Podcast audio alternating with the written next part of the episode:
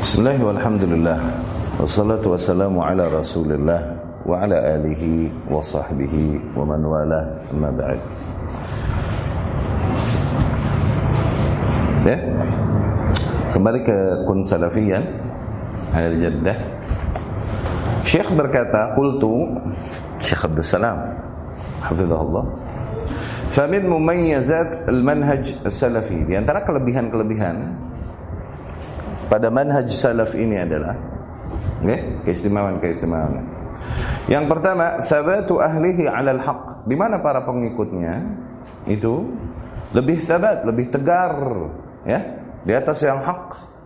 Adam taqallubihim. Mereka tidak berubah-ubah kama hiya adat ahli al-ahwa, sebagaimana kebiasaan para ahli hawa. Dengan mudah mereka berubah-berubah dan pindah-pindah dari satu keyakinan ke keyakinan yang lain. Oke? Okay? Adapun para ahlu sunnah maka lebih dominan pada mereka sifat sabat. Bukan nggak ada yang belum ada. Cuman lebih dominan sabat pada mereka. Idealisme itu lebih ada lebih kental pada mereka. Okay? Huzaifah berkata kepada Abi Mas'ud radhiyallahu anhum inna dhalalah sesungguhnya kesesatan yang nyata adalah anta'rif ma kunta tunkir wa tunkir ma kunta ta'rif ketika kau mulai membenarkan perkara yang dulunya kau ingkari. Atau mulai mengingkari perkara yang dulunya kau benarkan. Wa iyyaka wat talawun fid maka jauhilah berubah-ubah warna di dalam agama, berubah-ubah warna at-talawun. Oke? Okay? Kayak bunglon. Oke, okay? mutalawin. Orangnya mutalawin, berubah-ubah warna, nah berubah-ubah. Oke? Okay? Wa iyyaka wat talawun fid din, Jauhilah olehmu sifat berubah-ubah warna di dalam agama. Fa inna dinallahi wahid. Sesungguhnya agama Allah ini cuma satu. Okay?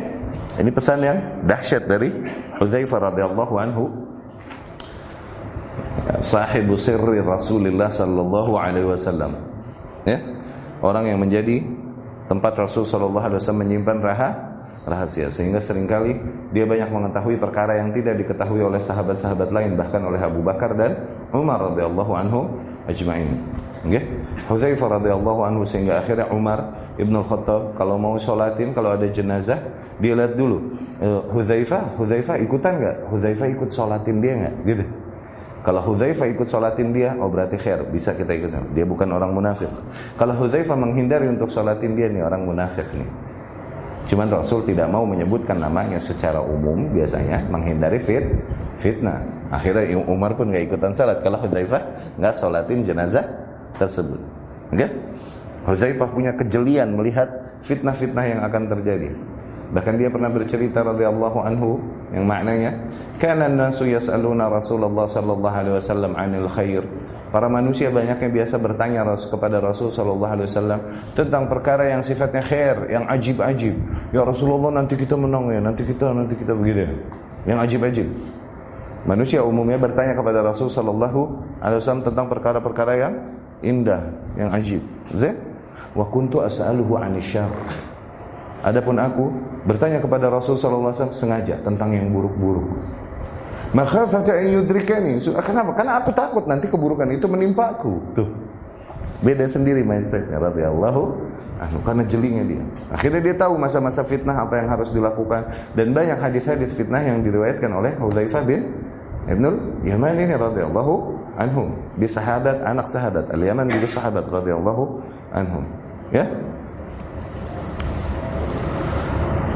Nah, di antara hadis dari Rasul sallallahu alaihi wasallam yang berkaitan dengan wasiatnya ini, wasiat Hudzaifah ini kepada siapa? Abu Mas'ud. No, Abu Mas'ud radhiyallahu anhu ini seorang sahabat dari golongan Ansar, awas. Ibnu Mas'ud radhiyallahu anhu itu muhajirin, awas. Abu Mas'ud ini Ansar. Ibnu Mas'ud muhajirin. Zain? Abu Mas'ud suka dibilang Abu Mas'ud Al-Badri. Pernah dengar? Bukan maknanya dia ikutan perang Badr. Al-Badri ini orang yang ikutan perang ba Badr. Sebenarnya begitu. Zain? Badri. Biasanya gelar Badri diberikan kepada orang yang ikutan perang Badar. Abu Mas'ud juga julukannya Al-Badri. No, tapi bukan dia ikutan perang Badar radhiyallahu anhu. Kebenaran tinggalnya daerah Badar dulu. Jadi Al-Badri radhiyallahu anhu ya, termasuk pembesar-pembesar Ansar radhiyallahu anhum ajmain. Nah, wasiat ini disampaikan oleh Hudzaifah bin Yaman kepada Abu Mas'ud. Ya kan? Ketika Abu Mas'ud mendatanginya, singkat lebih jauh lagi ya. Abu Mas'ud suatu hari mendatanginya dan meminta wasiat, wasiati aku, yakni nasihati aku kepada Hudzaifah bin Yaman radhiyallahu anhu. Inna dhalala haqqad dhalala, sesungguhnya kesesatan yang benar-benar sesat adalah tuh Ketika kau mulai membenarkan perkara-perkara yang dulunya kau ingkari. Atau sebaliknya, mulai mengingkari perkara-perkara yang dulunya kau benarkan. Maknanya apa? Ini dulu dan sekarang, ini patokannya pada ilmu. Kalau dulu kau membenarkan perkara karena tak tahu, ternyata perkara itu salah, oke, okay, benar. Oke? Okay? Tapi dikarenakan berubahnya kepentinganmu, no. berubahnya manhajmu, akidahmu, sehingga dulu hal yang kau ingkari dan lain-lain sekarang menjadi hal yang kau bela-bela, tuh. Enggak? Ini termasuk musibah yang Allah berikan. Ini termasuk talawun, mutalawin.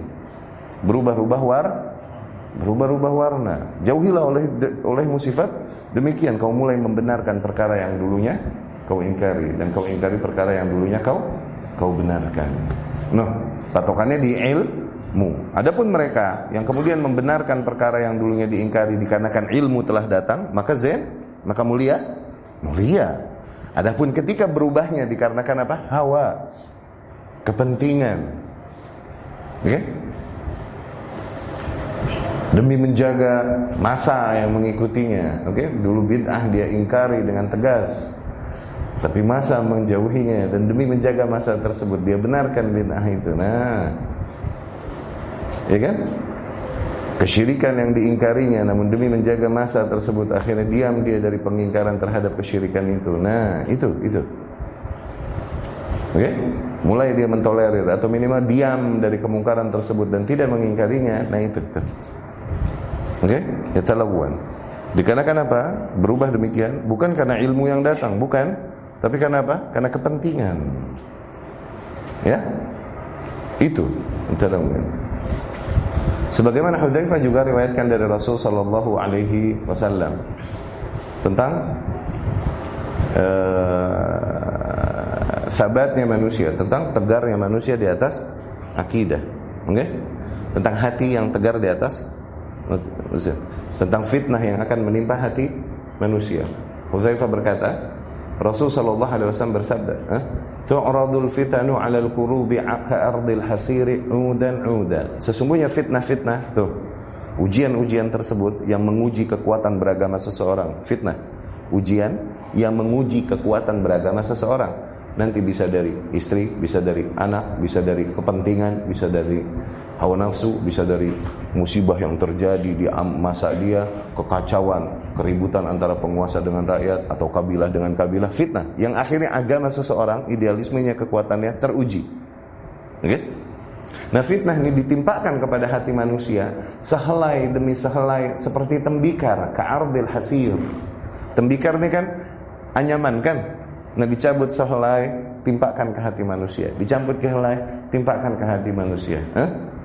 Fa ayyu qalbin asyrabaha nukitat fihi nuktah. Hati mana pun yang menyerap fitnah tersebut yakni tidak melawannya, tidak mengingkarinya, okay? tapi diserap fitnah tersebut mulai satu titik hitam.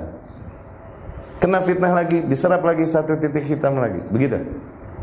Ayyu qalbin angkaraha hati mana pun yang mengingkari fitnah itu ketika ditimpakan fitnah dia ingkari dengan akidahnya dengan manhajnya yang kuat dengan idealismenya yang kuat dia ingkari nukitat fihi nuktah bayadha.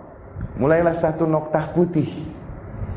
Kena fitnah diingkari lagi satu noktah putih lagi, begitu. Ya?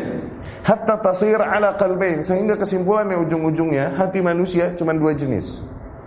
Qalbun abyad, hati yang putih. Mislus safa, sebagaimana batu karang. Awas, bukan warnanya batu karang. Ibnu Qayyim bilang, kuat tegar sebagaimana batu karang. Bukan lagi ngomongin warna batu karang di sini kata Ibnu Qayyim Al-Jauzi. Qalbun abyad, hati yang putih, mithlus safa, sebagaimana batu karang, tegar. La tadurruhu fitnah, madamati samawati wal ard. Dia enggak goncang, enggak gentar, ketimpa ombak badai fitnah seperti apa pun sebab selama masih berjalan langit dan bumi. Ini hati yang putih. Dan satu jenis hati lagi, aswad murbadah. Tuh, hati yang hitam pekat.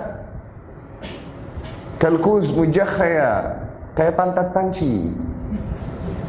Semakin dihajar difitnah sama api semakin hitam dia. La ya'rif ma'rufan wala yunkir munkaran. Dia tidak akan membenarkan perkara ma'ruf apa pun. Tidak akan mengingkari perkara mungkar mana pun. Enggak dia diam pokoknya cari aman. Illa ma min hawa. Kecuali perkara-perkara yang sesuai dengan hawa nafsunya aja yang ditegaskan, yang dibela atau yang diingkari hal-hal yang membawa manfaatnya aja. Ya, Allah. Allah. Nah di sini Hudzaifah bin Yaman radhiyallahu anhu berpesan kepada Abu Mas'ud radhiyallahu anhu, "Inna dhalala haqqad dhalala." Sesungguhnya kesesatan, sebenar-benarnya kesesatan. Tuh, lebih panjangnya riwayatnya demikian. Anta arif ketika kau mulai membenarkan, mema'rufkan, ma kunta tungkir, perkara yang dulunya kau mungkarkan. Wa tungkir ma kunta ta'rif atau memulai kau mengingkari perkara yang dulunya kau ma'rufkan. Wa iyyaka wa talawun fid din dan jauhilah olehmu berubah-ubah warna di dalam agama. Fa inna dinallahi wahid. Sesungguhnya agama Allah nih satu. Ya, Wa qala Syekhul Islam Ibn Taimiyah rahimahullah, ah, Syekhul Islam Ahmad Ibn Abdul Halim Ibn Abdul Salam Ibn Taimiyah rahimahullah. Beliau rahimahullah berkata, wabil jumlah dan secara jumlah, secara umum. Tuh, bukan tidak ada terjadi kasus, bukan, tapi secara umum. As-sabat wal istiqrar Sifat sabat, tegar, teguh Istiqrar, enggak goyang Fi ahlil hadis wa sunnah di dalam golongan ahlul hadis dan ahlus sunnah ab'af ma huwa inda ahlil kalam wal falsafah. Itu terdapat beberapa kali lipat ketegaran, keteguhan mereka daripada yang ada pada para ahlul kalam dan ahlul falsafah. Berkali-kali lipat keteguhan dan ketegaran yang ada pada para ahlul hadis dan ahlus sunnah.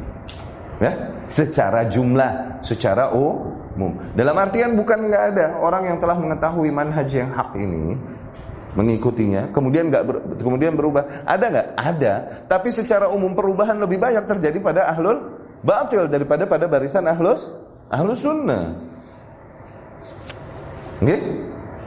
Sehingga dapat kita lihat pertama kemarin kan kita bilang kalau awamnya mah jangankan pindah mazhab ya pindah manhaj pindah agama juga kali ada gitu kan Cuman ulamanya deh, ahli ilmunya. Ada nggak? Pernah dengar? Ahli ilmu dari golongan salaf meninggalkan kesalafiyahan ya, kemudian memilih masalah manhaj rafidah. Ada nggak?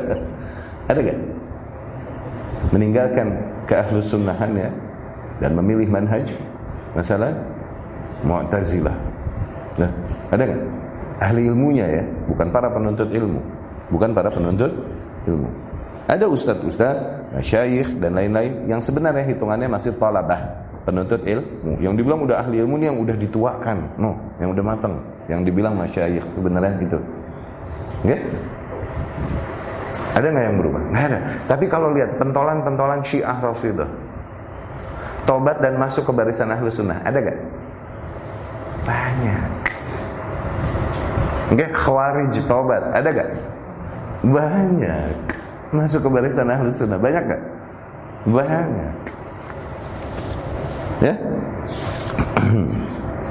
Lihat keberadaan ahli ilmu untuk mengetahui sebuah hal sebuah kaum ini benar atau enggak. Lihat keberadaan ahli ilmu pada mereka. Ada nggak? Ya? kalau bertanya Ustaz jamaah fulan ini benar apa enggak? Lihat ada nggak ahli ilmu pada mereka yang diakui keilmuannya manfaat ada yang bertanya Ustaz ISIS benar apa enggak ISIS. Okay? Benar apa enggak? Di antara hujahnya adalah lihat ada enggak ahli ilmu di barisan mereka. yang diakui keilmuannya, tahqiq sanadnya, menegaskan karya-karya ilmiahnya, ada nggak? Atau justru para ahli ilmu membantahnya? Justru membantah? Eh, udah itu hujah bahwasanya dia di atas kebatilan. Begitu. Ya. Waqala aidan dan beliau rahimahullah pun berkata ya ini Ibnu Taimiyah, "Inna ma 'inda awamil muslimin wa ulamaihim ahlu sunnah wal jamaah min al ma'rifah wal yakin wal tuma'ninah wal jazm bil haqq wal qawl wal qat'u bima hum amrun la yunaza fihi illa man salabahu aql wad din." Sesungguhnya ya yang ada pada para awamul muslimin dan pada para ulamanya dari golongan ahlu sunnah wal jamaah okay? dari ma'rifah dan keyakinan dan kemudian juga tumak nina tumak nina yakni ketenangan hati dikarenakan berada di atas kebenaran. Wal jazm bil haq dan bertahan di atas yang hak. Al qaul tsabit pernyataan yang tegas ya enggak goyang. Wal qata' bima hum alaih dan kemudian idealisme yang mereka nggak goyang di atasnya. Bimahum alaih amrun la yunaza fi. Keberadaan semua nilai itu pada golongan ahlu sunnah adalah perkara yang tidak diperdebatkan lagi. Ini semua diakui. Tidaklah menerima kenyataan itu kecuali orang-orang yang memang Allah subhanahu wa ta'ala hilangkan dari hati mereka akalnya dan agamanya. Ya? Yani kadar sabat, ketegaran, keteguhan, idealisme, tuh, ketegasan di atas hak, pemingkaran, enggak goyang. Kadar nilai-nilai ini pada golongan ahlu sunnah itu jauh lebih kental dan lebih banyak. Oke? Okay? Dan ini adalah perkara yang udah sama-sama diketahui. Enggak ada yang akan membantah hal ini. Enggak ada orang yang bisa mengingkari hal ini kecuali emang orang-orang yang Allah telah hilangkan akal dari mereka. ya, cuman kebanyakan manusia emang Allah hilangkan akalnya. Ya. Aksaruhum la Hah? Kebanyakan manusia tidak ya namun tidak mengetahui. Ya. Wa min mubayyizatih aidan dan di antara keistimewaan ahli sunnah juga tuh ittifaq ittafaqa ahluhu 'ala al-aqidah Yani ittifaku ahlihi. Ittafaku apa ittifaq ittifaku tuh tulisan di sini. Yang Arab mana yang Arab?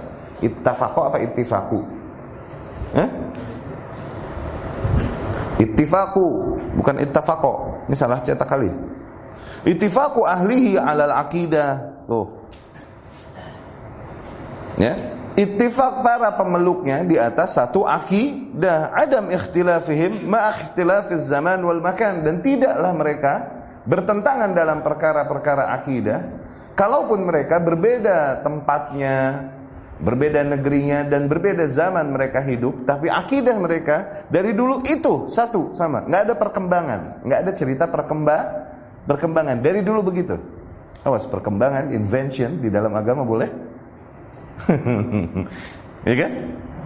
Berbeda dengan para ahli bid'ah. Pendapat mereka ini berkembang, berkembang, berkembang, berkembang. Oke? Okay? Dulu mereka mentaktil asma wa sifat. Iya kan? Sifat Allah yang pertama dihantam ada masalah apa? Kalam dan khullah. Allah katanya la yatakallam wa la yattakhidh minal bashari khalila. No. Allah tidak berbicara dan tak mungkin Allah menjadikan kekasih dari golongan manusia. Cuma dua sifat. Tapi ke sini sininya berkembang kan? Kemudian banyak sifat-sifat Allah mereka takwil, mereka ta'til dan lain-lain. Iya kan? Berkembang mereka. Dulunya mungkin uh, yang mereka takwil, eh, yang mereka, yang mereka, yang mereka, yang ini konsep yang mereka buat-buat awalnya hanya kadarnya sekian. Tapi seiring dengan berkembangnya zaman, terus digosok sama syaitan, semakin berkembang kesesatan mereka, semakin mereka terjauhkan dari yang hak. Demikianlah ahlul bid'ah, sebagaimana digambarkan Rasul Shallallahu Alaihi Wasallam dengan garis-garis yang menyimpang dari garis yang lu lurus. Lihat garis yang menyimpang tersebut. Bukankah awalnya dekat dengan garis yang lurus? Tapi semakin jauh? Nah, gitu kan? Demikian perkembangan yang terjadi pada mereka. Ahlu sunnah dari zaman dulu begitu udah sepakat. Nggak ada perubahan. Kalaupun mereka berbeda zaman, berbeda negeri, akidah mereka satu, itu doang. Tidak ada perbedaan akidah pada mereka. Okay? Kalaupun ada perbedaan perbedaan pada mereka, perbedaan perkara-perkara fu, furu. Demikian semua imam ahlu sunnah. Tuh, manhaj mereka satu, sama. Di dalam akidah, manhaj mereka adalah ahlus sunnah. Yang mereka berbeda padanya adalah madhab. No, bukan manhaj. Awas. Nah, dari sini kita paham sedikit. Kalau dibilang manhaj itu usul, dibilang madhab itu furu'. Dibilang manhaj itu perkara-perkara akidah, perkara-perkara usul yang telah disepakati dari zaman ke zaman. Ini perkara manhajiyah. Sifatnya pedoman umum beragama. Kalau dikata mazhab adalah perkara-perkara furu' dan ijtihadiyah. No, Aku ikut madhab syafi'i yakni aku di dalam urusan-urusan furu lebih condong kepada para pendapat-pendapat Imam Syafi'i Tuh. Tapi manhaj kepada ahlus sunnah nggak boleh berubah itu mah Awas ada manhaj ada madhab Beda madhab nggak mesti beda manhaj Awas Cuman perkara-perkara yang ijtihadiyah Ijtihadiyah itu perkara yang terbuka memang peluang ijtihad padanya Oke? Okay? Atau perkara-perkara furu, perkara-perkara detail teknis. No, kalau dikumpulin pendapat satu orang tentang hal-hal furu, tentang ijtihad-ijtihad perkara baru yang tidak ada pada zaman Rasul dan emang ada peluang untuk ijtihad, pendapat dia semua dikumpulin, no, sepaket jadi formula ini madhab dia, tuh, di furu. Oke? Okay? Adapun manhaj adalah memahami kitabullah dan sunnah Rasul sallallahu alaihi wasallam sesuai dengan pemahaman salafus saleh. Tuh, ini manhaj. Ini usul manhaj yang pertama ini. Kemudian nanti setiap poin-poin akidah yang ada di buku akidah semuanya, ini adalah sifatnya usul kita. Semuanya imam, kalaupun madhab mereka beda-beda, imam ahlu sunnah ya, kalaupun madhab mereka beda-beda, manhajnya itu sama satu. No, Ya, pada dasarnya tadi manhaj dan mazhab begini. Kalaupun nanti ujung-ujungnya penggunaannya sih akhirnya dikatakan mazhab dimaksud dengannya man haji akidah gitu. Kalau tapi pada dasarnya memang begitu udah kayak kodok sama kok kodar. Masing-masing punya arti kodok dan kodar. Kodar mah penulisannya di lauhul mahfuz. Kodok ketika poin yang ditulis dijadiin sama Allah. Tuh. Ini kan jaraknya 50 ribu tahun. Iya kan? Tapi sering kali disebut kodok yang dimaksudkan adalah juga dan dimaksud kodar kodok juga gitu. Ya. Nah, ahlu sunnah akidahnya dari zaman dulu begitu. Kalaupun negerinya berbeda-beda, kalaupun mereka berbeda zaman, jarak mereka jauh, akidah mereka dari dulu satu itu. Kalaupun mazhab mereka berbeda ya yang mengikuti Imam Ahmad yang mengikuti Imam Muhammad bin Idris Syafi'i yang mengikuti Malik bin Anas yang mengikuti uh, Nu'man bin Sabit Abu Hanifah okay? tapi akidah mereka sama sepakat manhaj mereka satu nah yang membuat mereka beda satu sama lain itu apa? Mazhab santai. Perkara-perkara furu detail teknis. Ya? Maka salah satu keutamaan ahlu sunnah adalah di mana para pemeluk manhaj tersebut itu sepakat di atas satu akidah. Dari zaman ke zaman, di zaman apa pun, kalaupun berbeda negeri, kalaupun berbeda zaman, mereka sama. Sepaket dalam masalah itu. Ya,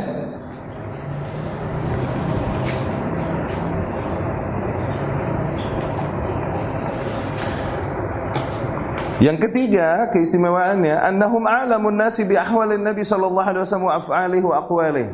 Mereka adalah manusia paling mengetahui okay, paling mengenal kondisi-kondisi Nabi sallallahu alaihi wasallam. Aktivitas-aktivitas Nabi sallallahu alaihi wasallam dan perkataan-perkataan Nabi sallallahu alaihi wasallam. A'zamuhum tamyizan baina sahihiha wa saqimiha Para ahlu sunnah adalah kaum yang paling memperhatikan Oke okay? Paling memperhatikan Untuk memisahkan antara yang sahih dan yang daif Dari apa-apa yang diriwayatkan dari Nabi Sallallahu alaihi wasallam. Adapun para ahli bid'ah sering kali mereka tak memperdulikan mana sahih mana dhaif, kecuali hal yang sesuai dengan hawa nafsunya saja. Ahlu sunnah paling memperhatikan hal ini. Paling hati-hati terhadap hal ini.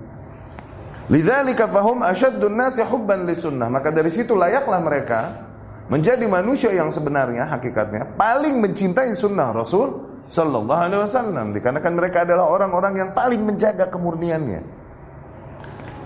Ahrasuhum ala tibaiha, yang paling berjuang untuk mengikuti sunnah yang murni sebisa mungkin. Sebagaimana datangnya dari Rasul sallallahu alaihi wasallam. Aksaruhum muwalatan li ahliha dan mereka paling membela para ahli-ahli, yakni para manusia-manusia yang berada di atas kemurnian ajaran yang datang dari Rasul sallallahu alaihi wasallam. Ya. Yaqulu Syekhul Islam Ibn Taimiyah rahimahullah, Syekhul Islam Ibn Taimiyah rahimahullah berkata, فإنه متى كان الرسول صلى الله عليه وسلم أكمل الخلق وأعلمهم بالحقائق Wa aqwamahum qawlan wa halan. Sesungguhnya ketika Rasulullah sallallahu alaihi wasallam adalah manusia yang paling sempurna akhlaknya. Okay? Dan paling mengetahui hakikat-hakikat yakni hakikat kebenaran yang Allah Subhanahu wa taala maksudkan dan wa aqwamahum dan paling benar perkataan-perkataannya, okay? Dan perbuatan-perbuatannya ketika Rasul adalah orang yang demikian disepakati, okay? lazima ayyakuna a'lamun nasi bihi a'lamal khalqi bidzalik. Maka dari situ maknanya adalah wajar kalau kita katakan apabila manusia yang lebih mengenal siapa Rasul, bagaimana Rasul, perkataan Rasul, praktek-praktek Rasul adalah manusia yang lebih mengenal tentang hakikat-hakikat perkara. Okay?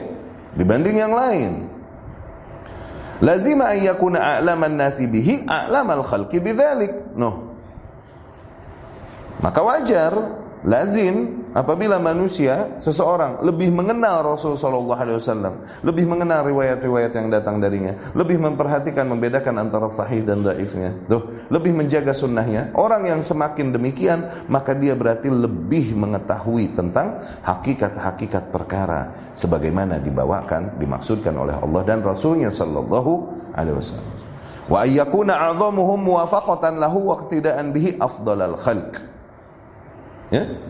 Maka juga dari situ dapat kita simpulkan bahwa mereka yang lebih sesuai tindakannya dengan kondisi Rasul dulu sallallahu alaihi wasallam, perkataannya dengan perkataan Rasul, aktivitasnya dengan aktivitas Rasul, ibadahnya, akidahnya lebih sesuai, lebih dekat kepada Rasul sallallahu alaihi wasallam, maka mereka adalah makhluk-makhluk yang lebih mulia dibanding manusia-manusia yang lain yang semakin jauh semakin terjauhkan dan meninggalkan petunjuk yang datang dari Rasul sallallahu alaihi wasallam. Ya. Yakni ketika kita katakan, kita sepakati bahwa Rasul adalah manusia yang paling memahami kebenaran. Maka manusia yang lebih mengenal Rasul adalah manusia yang lebih memahami kebenaran di antara manusia-manusia yang ada di sekitarnya. Rasul adalah manusia yang paling tindakan-tindakannya dibenarkan oleh Allah Subhanahu wa taala. Maka manusia yang paling mengikuti Rasul di dalam tindakan-tindakannya, ibadahnya, mindsetnya dan lain-lain adalah manusia yang juga paling dicintai dan diridhai Allah Subhanahu wa taala, paling dekat kepada kebenaran. Ketika Rasul adalah semulia-mulianya manusia dibanding manusia-manusia yang lain, semulia-mulianya manusia adalah Rasulullah Sallallahu Alaihi Wasallam. Maka mereka yang mengikuti kemurnian ajarannya dan menjaga sunnahnya adalah juga manusia yang lebih mulia daripada yang lain yang berpaling dari ajarannya. Itu maksudnya. Sallallahu Alaihi Wasallam. Empat keistimewaan ahlu sunnah berikutnya i'tiqaduhum anna tariqat as-salafis salih hiyal aslam keyakinan mereka bahwasanya tariqah jalan atau metode para salafus saleh itu aslam lebih selamat. Wal a'lam dan lebih berilmu. Wal ahkam dan lebih wise lebih bijak. Oke? Okay? la kama yad'ihi ahlul kalam. Berbeda dengan yang diserukan dan dikatakan oleh para ahlul kalam. Di mana mereka berkata Tariqat salaf aslam. Iya sih, metode kaum salaf terdahulu lebih selamat. Tapi tariqat al-khalaf, gaya kaum kontemporer sekarang, a'lam. Itu lebih berilmu. Wa ahkam, lebih bijak. Ya salam. Oh berarti, yang aslam, yang lebih selamat, itu tidak lebih a'lam. Tidak lebih ahkam. Fahim? Pernyataan yang zahirnya seolah-olah bijak demikian, padahal terdapat celaan kepada para salafus saleh. Yang kita yakini ahlu sunnah adalah metode manhaj salaf itu paling aslam, paling selamat, paling berilmu dan paling bijaksana. Itu metode paling bijak itu yang ada pada salaf. Tapi para ahli bid'ah berkata, enggak, metode salafi memang iya lebih selamat. Tapi metode khalafi, yakni kontemporer yang sekarang, ini lebih berilmu, fikhul waqi katanya. Dan lebih bijak, yakni di dalam menyikapi perkara-perkara ini lebih bijak daripada ketegasan-ketegasan sah, salah. Ini sebenarnya perkataan yang kalaupun zahirnya seolah-olah, weh, masya Allah, ya kan? Padahal di balik itu, maazallah, ya. Apakah ketika aslam lebih selamat tidak lebih a'lam dan ahkam? Okay? lebih berilmu dan lebih bijak juga ketika aslam, ketika lebih selamat. Atau sebaliknya, ketika sebuah metode itu dia lebih berilmu dan lebih bijaksana, apakah dia tidak lebih selamat harusnya? Ayo, dibalikin aja, diputar. Adapun ahlu sunnah tidak demikian.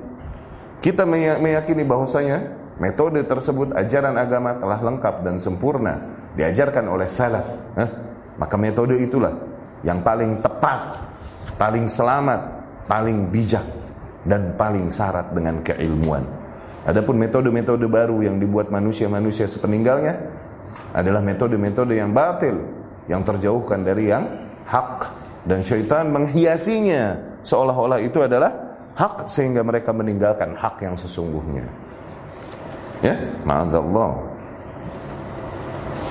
Radda Syekhul Islam, Syekhul Islam rahimahullah membantah hadhil firyah, kedustaan ini dibantah oleh Syekhul Islam. Beliau rahimahullah berkata, Laqad kazzabu ala tariqati salaf. Sungguh mereka telah berdusta atas metode kaum salaf. Wadallu dan mereka telah tersesat fi taswib tariqatil khalaf. Di dalam membenarkan metode kaum khalaf. Fajama'u bainal jahli baina bainal jahli bi tariqati salaf bil kadhibi alaihim. Dengan pernyataan mereka demikian, mereka telah mengumpulkan kejahilan mereka. Tuh, telah mengumpulkan beberapa kesalahan. Yaitu apa? Satu, kejahilan mereka tentang tarikat salaf, yakni metode salaf yang sesungguhnya. Okay? Dan kemudian mereka pun menambahkan kedustaan mereka. Tuh, atas metode salaf, metode salaf wa bainal jahli wad dalal bitaswib tariqatil khalaf. Kemudian kesalahan berikutnya setelah itu mereka menambahkan kejahilan dan pembenaran mereka terhadap metode orang-orang kontempor kontemporer. Ya, ma'azallah. Ini di Majmu' al-Fatawa. Wa min mumayyizatihim dan di antara keistimewaan-keistimewaan Ahlus Sunnah Hirsuhum ala nashril aqidah sahihah. Mereka lebih bersemangat selalu untuk menyebarkan akidah yang sahih. No. Lihat, cari kaum lain yang lebih perhatian terhadap pelajaran akidah daripada salaf. Eh? Cari kaum lain yang lebih perhatian terhadap pelajaran-pelajaran akidah dan dakwah di dalam bab-bab akidah, terutama tauhid, ya kan? Daripada kaum salaf, daripada kaum yang mengikuti jalan salaf tersebut. Enggak ada. Fokus kita selalu situ. Inti fokusnya di situ. Oke? Okay? Di antara mereka ada yang menyerukan mereka ini akidahnya benar cuman akhlaknya rusak Kenapa? Karena nggak sesuai dengan selera mereka. Ketika diingkari kebatilannya, kesyirikannya, oke, okay? kemungkarannya dan bid'ahnya dibilang ini akhlaknya rusak, akidahnya benar, cuman akhlaknya rusak. Sehingga ada lagi orang-orang konyol yang berkata, kita bikin konsep salaf cuman gaya dakwahnya, gaya dakwah sufi. Ya salam. Mau bikin formula baru ente.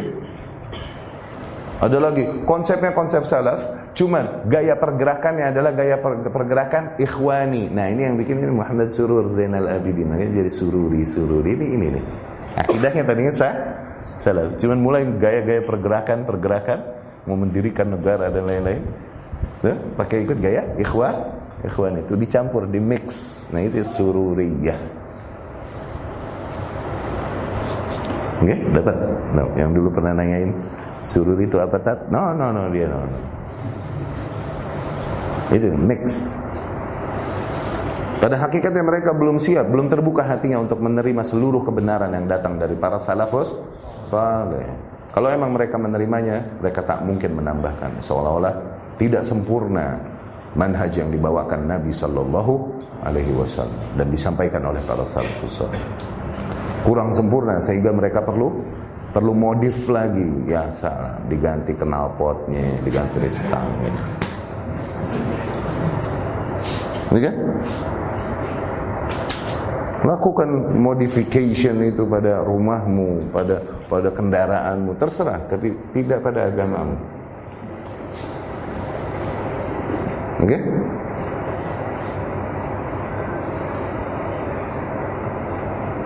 Nah, ahlu sunnah ini lebih fokus dalam menyebarkan akidah dibanding kelompok-kelompok lain.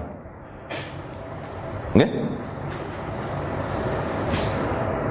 Mereka lebih bersemangat di dalam menyebarkan akidah yang sahih dan agama yang lurus dan mengajarkan manusia dan menasehati mereka, menasehati mereka yang menyampaikan kebenaran kepada mereka. Oke?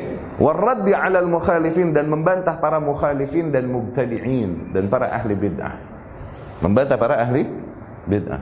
Demikian konsep yang kental pada manhaj salaf. Emang bantahan dan pengingkaran ini kental pada manhaj salaf. Jangan kaget makanya. Emang harus demikian. Dengan segala keuta keutamaan demi menyebarkan akidah yang sahih maknanya apa? Mesti mengingkari akidah yang batil. Ya akhi begitu deh memang kudu begitu.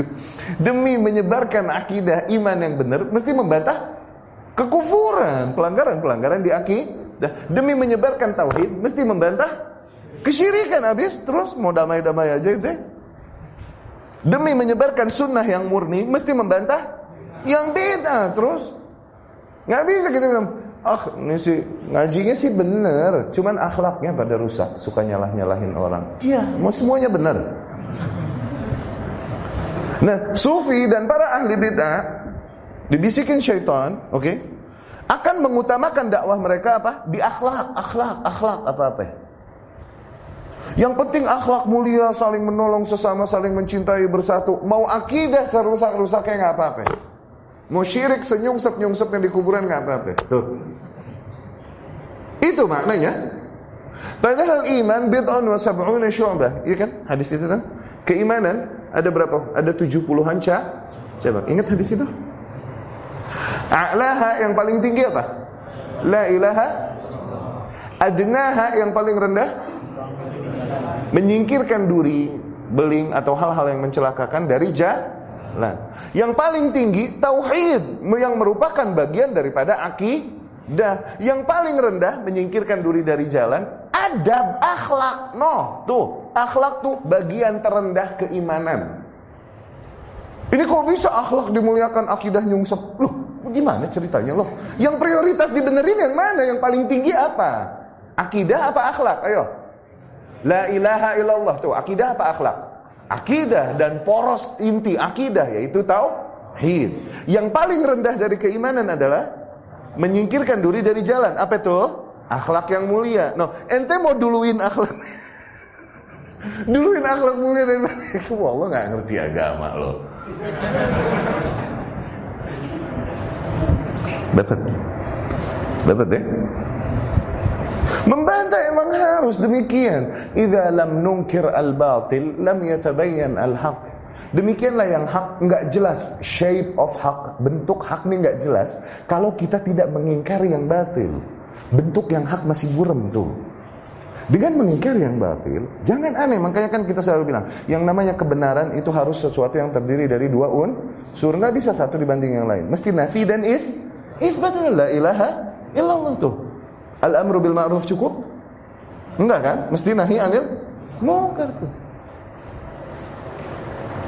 Imam Ahmad ditanya, "Ya Imam, Tuh, lihat paling mereka membantah mukhalifin, orang-orang yang bertentangan dan mubtadiin, orang para ahli bid'ah.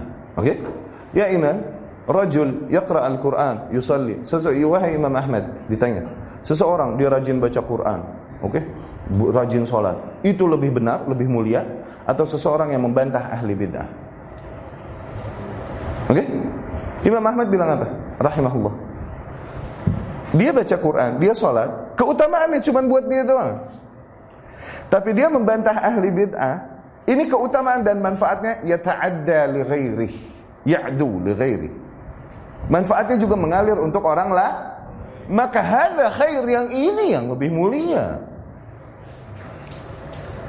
Jadi pengingkaran pada ahlu sunnah bantahan itu adalah hal yang sifatnya wajar. Jangan aneh. Demikian kebenaran. Jangan beragama pakai perasaan. Salah. Itu kebanyakan nonton sinetron sih sama film India. Jadinya pada ping hatinya. Nah, dengar pengingkaran terus ah nggak mau lah ngaji di sana. Nggak asik lah ustadznya suka nyalah nyalahin terus mau semuanya benar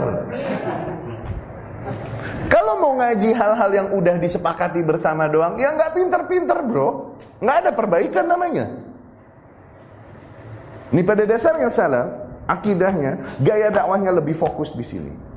Kalaupun terjadi perubahan seiring dengan bertambahnya katanya orang-orang yang mengikuti pengajian sunnah dan lain-lain, akhirnya terjadi perubahan gaya da gaya dakwah. Demikian yang namanya ghurbah, ghurbah, keterasingan itu nggak mesti satu kali putaran. Pernah kita jelaskan kan? Ja'al Islamu ghariban wa sawfa ya'udu ghariban. Islam datang dalam keadaan asing dan akan kembali menjadi asing. Ini nggak satu round terus kiamat, satu putaran kiamat, enggak. Ghurban ini di setiap zaman, di setiap abad terjadi terasingkan, kemudian booming lagi, kemudian terasingkan lagi, kemudian booming lagi, kemudian terasingkan lagi.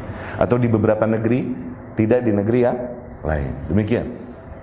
Awalnya ketika masih tidak terlalu banyak, fokus akidah mereka, dakwah mereka, akidah tauhid, akidah tauhid. Semakin banyak, semakin banyak akhirnya semakin yang dikira, dikira, dikira di atas manhaj salaf.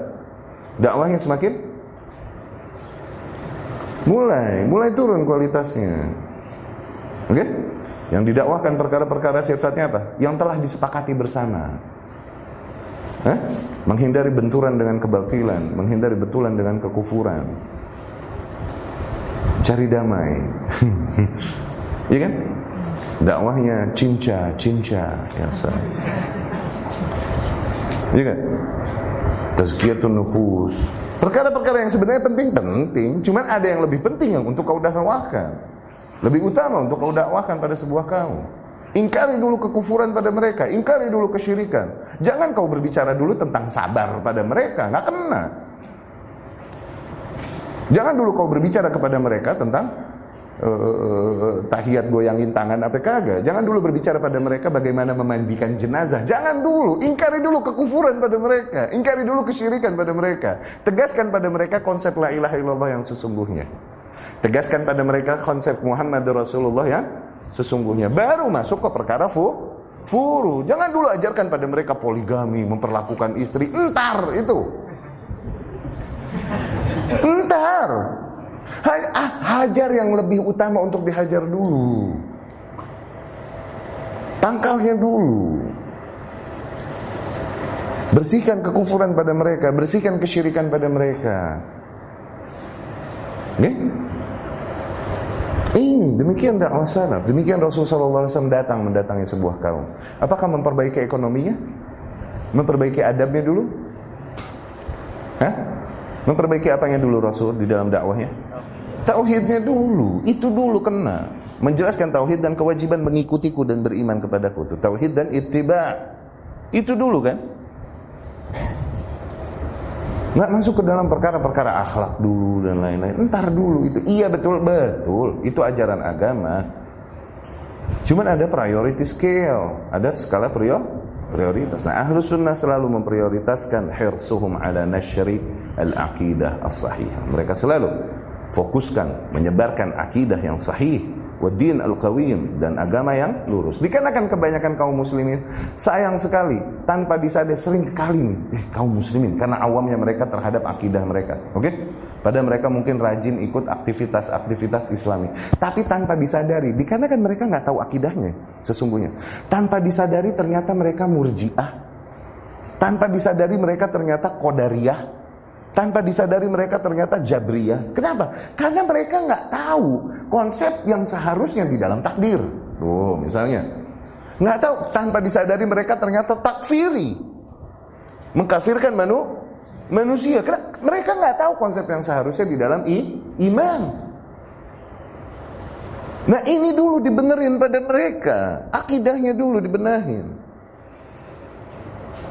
Ya, tanpa disadari mereka ternyata condong kepada manhajnya khawarij. Dan mereka mengira bahwa mereka ahlus sunnah. Kenapa? Mereka nggak tahu akidah ahlus sunnah yang sebenarnya konsepnya gimana.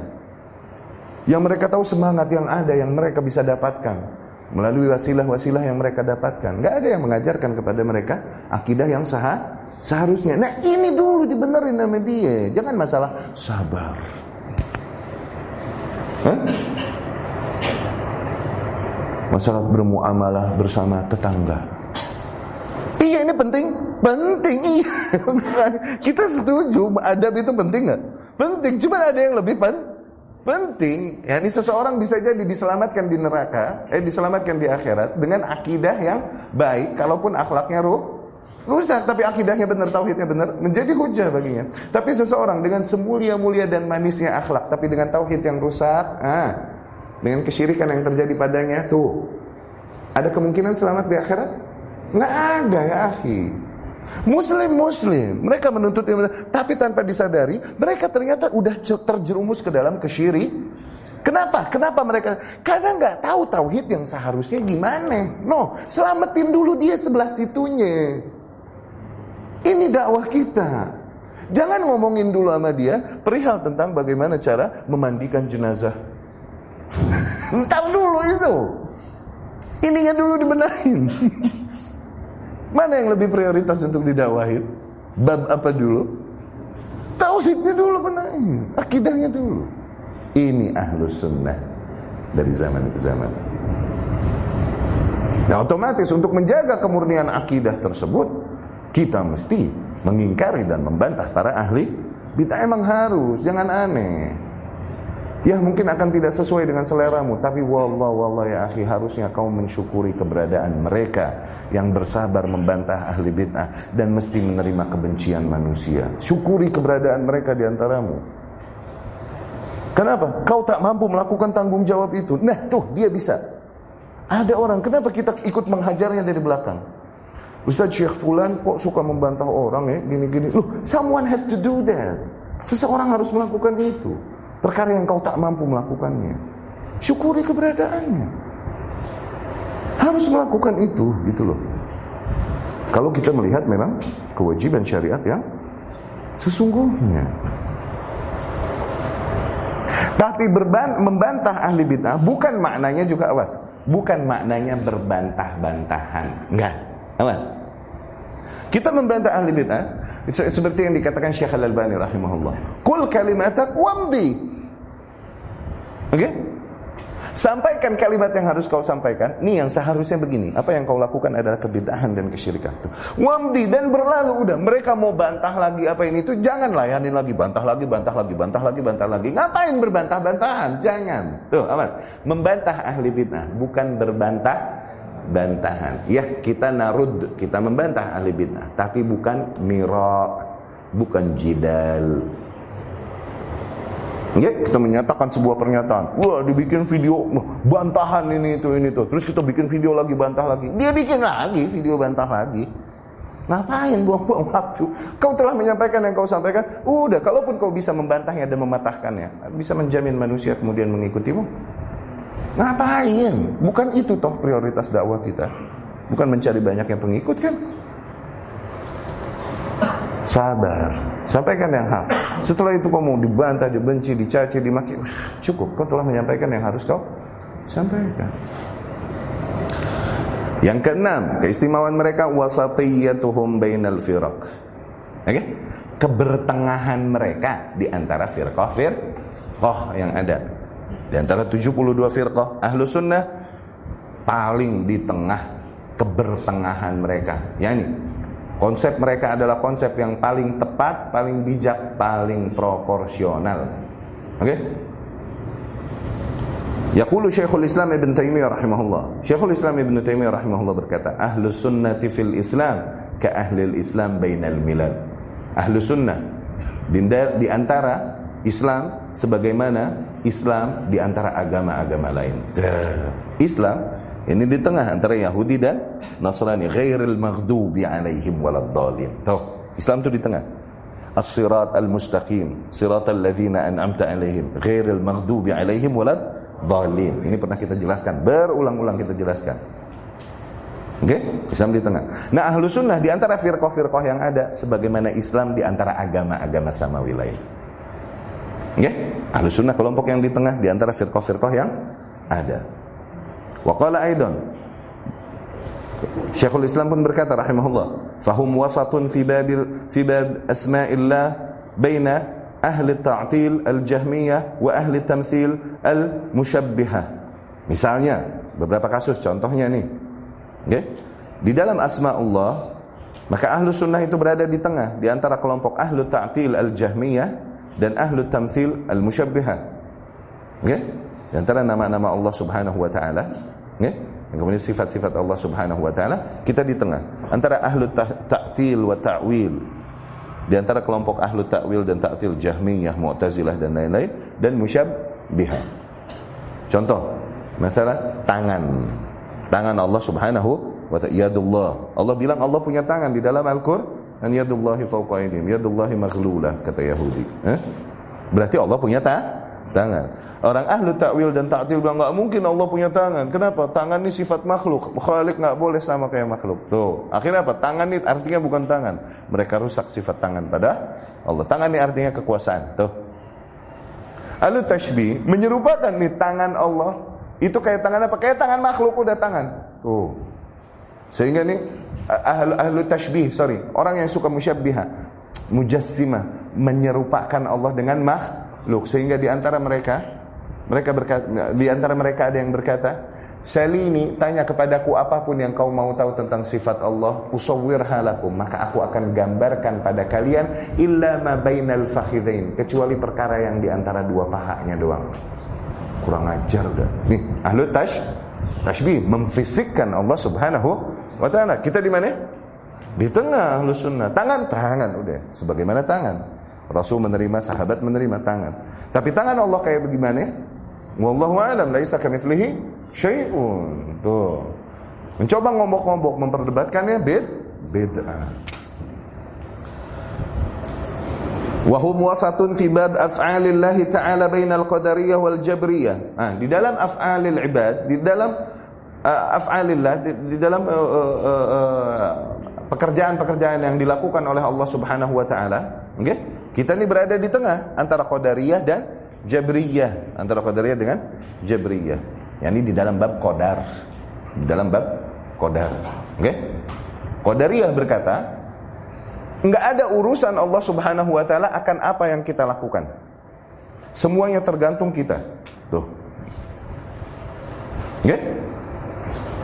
Hal-hal yang kita lakukan adalah apa yang kita memutuskannya dan lain-lain. Ini semua enggak ada Allah menentukan hal ini itu enggak, enggak ada. Tuh. Berarti maknanya Allah nggak tahu kita akan melakukan apa dong, begitu kan? Dan Allah pun tidak menentukan kita akan melakukan apa-apa. Jadi kita be bebas. Tuh, lihat. Ini kata koda ria. Kata Jabriyah sebaliknya Allah menentukan segala hal yang kita lakukan, benar gak? Men. Maka dari situ kita ngapain lagi berikhtiar bebas kita. Nah intinya salah kadar situnya. Tadi sah salah. Oke? Okay? Kita di tengah. Kita meyakini bahwa Allah Subhanahu wa taala telah mentakdirkan segala hal, Allah mentakdirkan, menciptakan manusia dan menciptakan amalan-amalannya? Iya. Oke? Okay? Tapi Allah memberikan kita masyiah, kehendak juga, iradah. Allah berikan kita kudrah, keinginan juga, tapi keinginan dan kehendak kita tidak keluar dari keinginan dan kehendak Allah Subhanahu wa taala. Kita hanya menginginkan apa yang Allah inginkan untuk kita inginkan. Dan Allah jadikan segala hal dengan adil dan bijaksana, adil dan hikmahnya. Allah jadikan mereka yang berada di dalam kondisi keburukan adalah orang-orang yang layak untuk berada di dalam keburukan. Allah jadikan mereka yang berada di antara di dalam kondisi kebaikan adalah orang-orang yang layak mereka untuk berada di dalam keba kebaikan. Allah ciptakan surga, Allah ciptakan neraka, Allah ciptakan bagi surga dan bagi neraka penduduknya masing-masing. Tuh, udah ditakdirkan. Tapi Allah Maha Adil, Allah Maha Bijaksana. Allah mesti menjadikan mereka yang di neraka emang pantas di neraka. Allah mesti menjadikan mereka yang di surga emang pantas di surga. Nggak mungkin Allah menjadikan mereka yang layak berada di surga kemudian jadi di neraka. Tuh, patokannya ada di mana nanti? Paling dominan di ikhlas. Orang yang ikhlas minta petunjuk sama Allah berusaha. Nggak mungkin Allah yukhadhilu. Allah membuatnya suwe. Apa? Suwe, kecele, kecele. Nggak mungkin Allah membuatnya kecele. Nggak mungkin. Kalau emang dia ikhlas minta petunjuk, mencari ilmu di jalan Allah, tuh, maka Allah akan arahkan dia ke arah kebaikan kebaikan. Mereka yang Allah arahkan ke arah kebatilan memang pada dasarnya ada kerusakan dari niat awalnya. Tuh. Ada kerusakan dari niat awalnya. Itu, tidakkah kita lihat hadis Rasul sallallahu alaihi wasallam? Eh, apa namanya? Rajul ya'mal bi amali ahli jannah. Seseorang beramal dengan amalan ahli surga. Oke, sepanjang hidupnya, tapi telah ditakdirkan baginya. Tuh. Dia mengakhiri hidupnya dengan amalan ahli neraka mati masuklah dia ke dalam neraka. Sebaliknya seseorang mengamalkan amalan ahli neraka, kekeliruan-kekeliruan pelanggaran sepanjang hidupnya, tapi telah ditakdirkan atasnya di akhir hidupnya. Dia beramalan dengan amalan ahli surga mati dia dan masuklah ke dalam syur, surga. Tuh, hadis ini. Oke? Okay? Ada riwayat lain yang menjelaskannya, kok gimana kayak nggak fair gitu loh, kayak nggak fair. Seseorang beramal dengan amalan ahli surga, kok Allah takdirkan keburukan di akhir hidupnya. Oke? Okay? Ada sanad lain yang menjelaskan hal ini, menegaskan keadilan dan hikmah Allah. Dengan tambahan lafaz. Ya'mal bi'amali ahli jannah. Ini orang beramal dengan amalan ahli syurga. Fima yabdu linnas. Pada apa yang tampak di mata manusia. Tuh. Sepanjang hidupnya dia beramal dengan amalan baik. Tapi ikhlasnya maka agak. Cuman di mata manusia.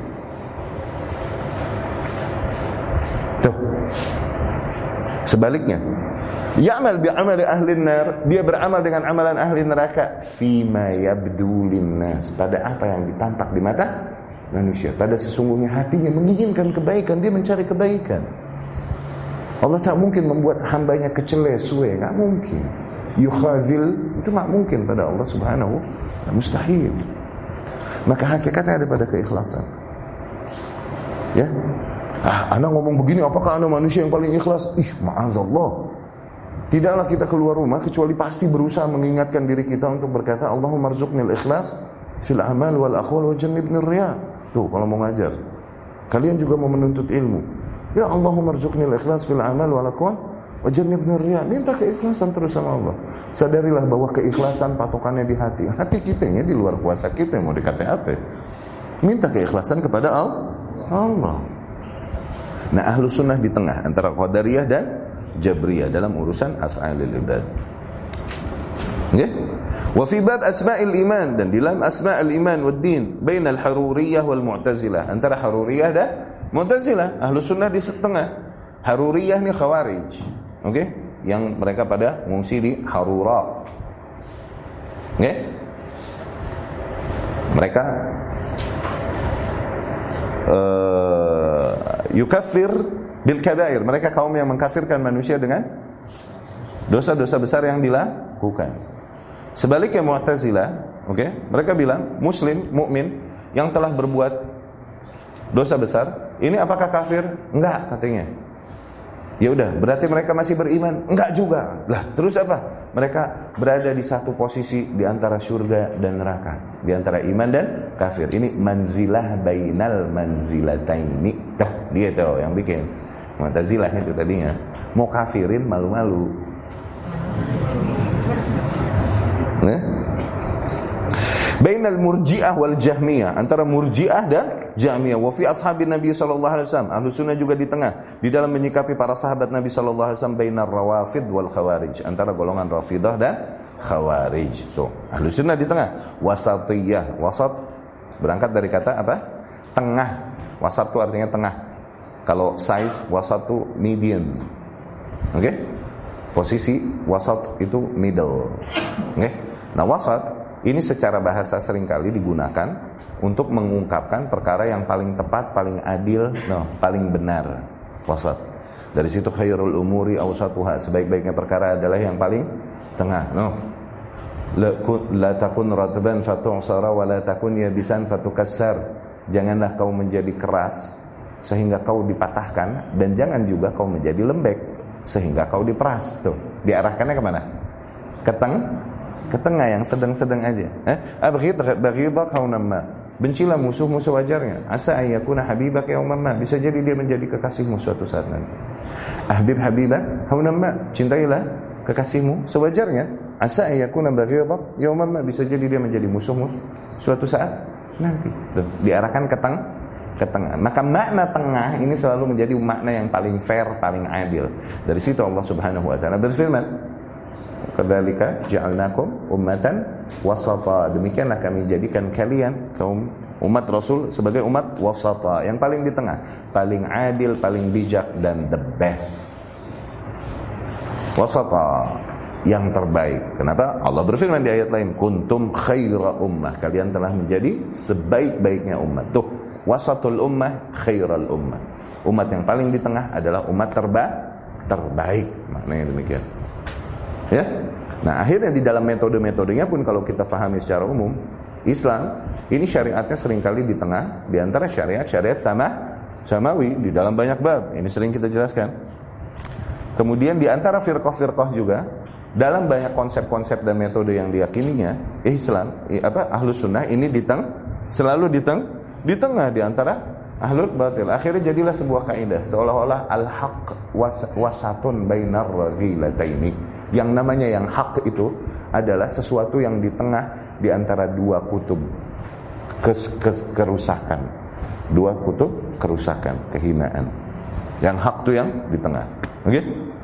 Tapi ini berbicara antara kebatilan dengan kebatilan, maka yang hak di tengah. Kalau udah urusan antara hak dan batil, jangan so-soan mau bikin di tengah. Jadi mutamayya itu, jadi mumayya.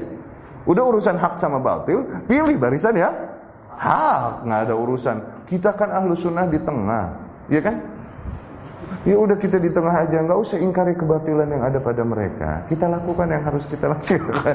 Itu jadi mumayya. Iya gak? Kalau udah urusan hak sama batil, pilih barisan yang hak, jangan sok-sokan di tengah. Ngaco. Ya, Tapi kita cukupkan sekian sampai bab 5. Insya Allah pertemuan yang akan datang masuk ke bab yang ke 6.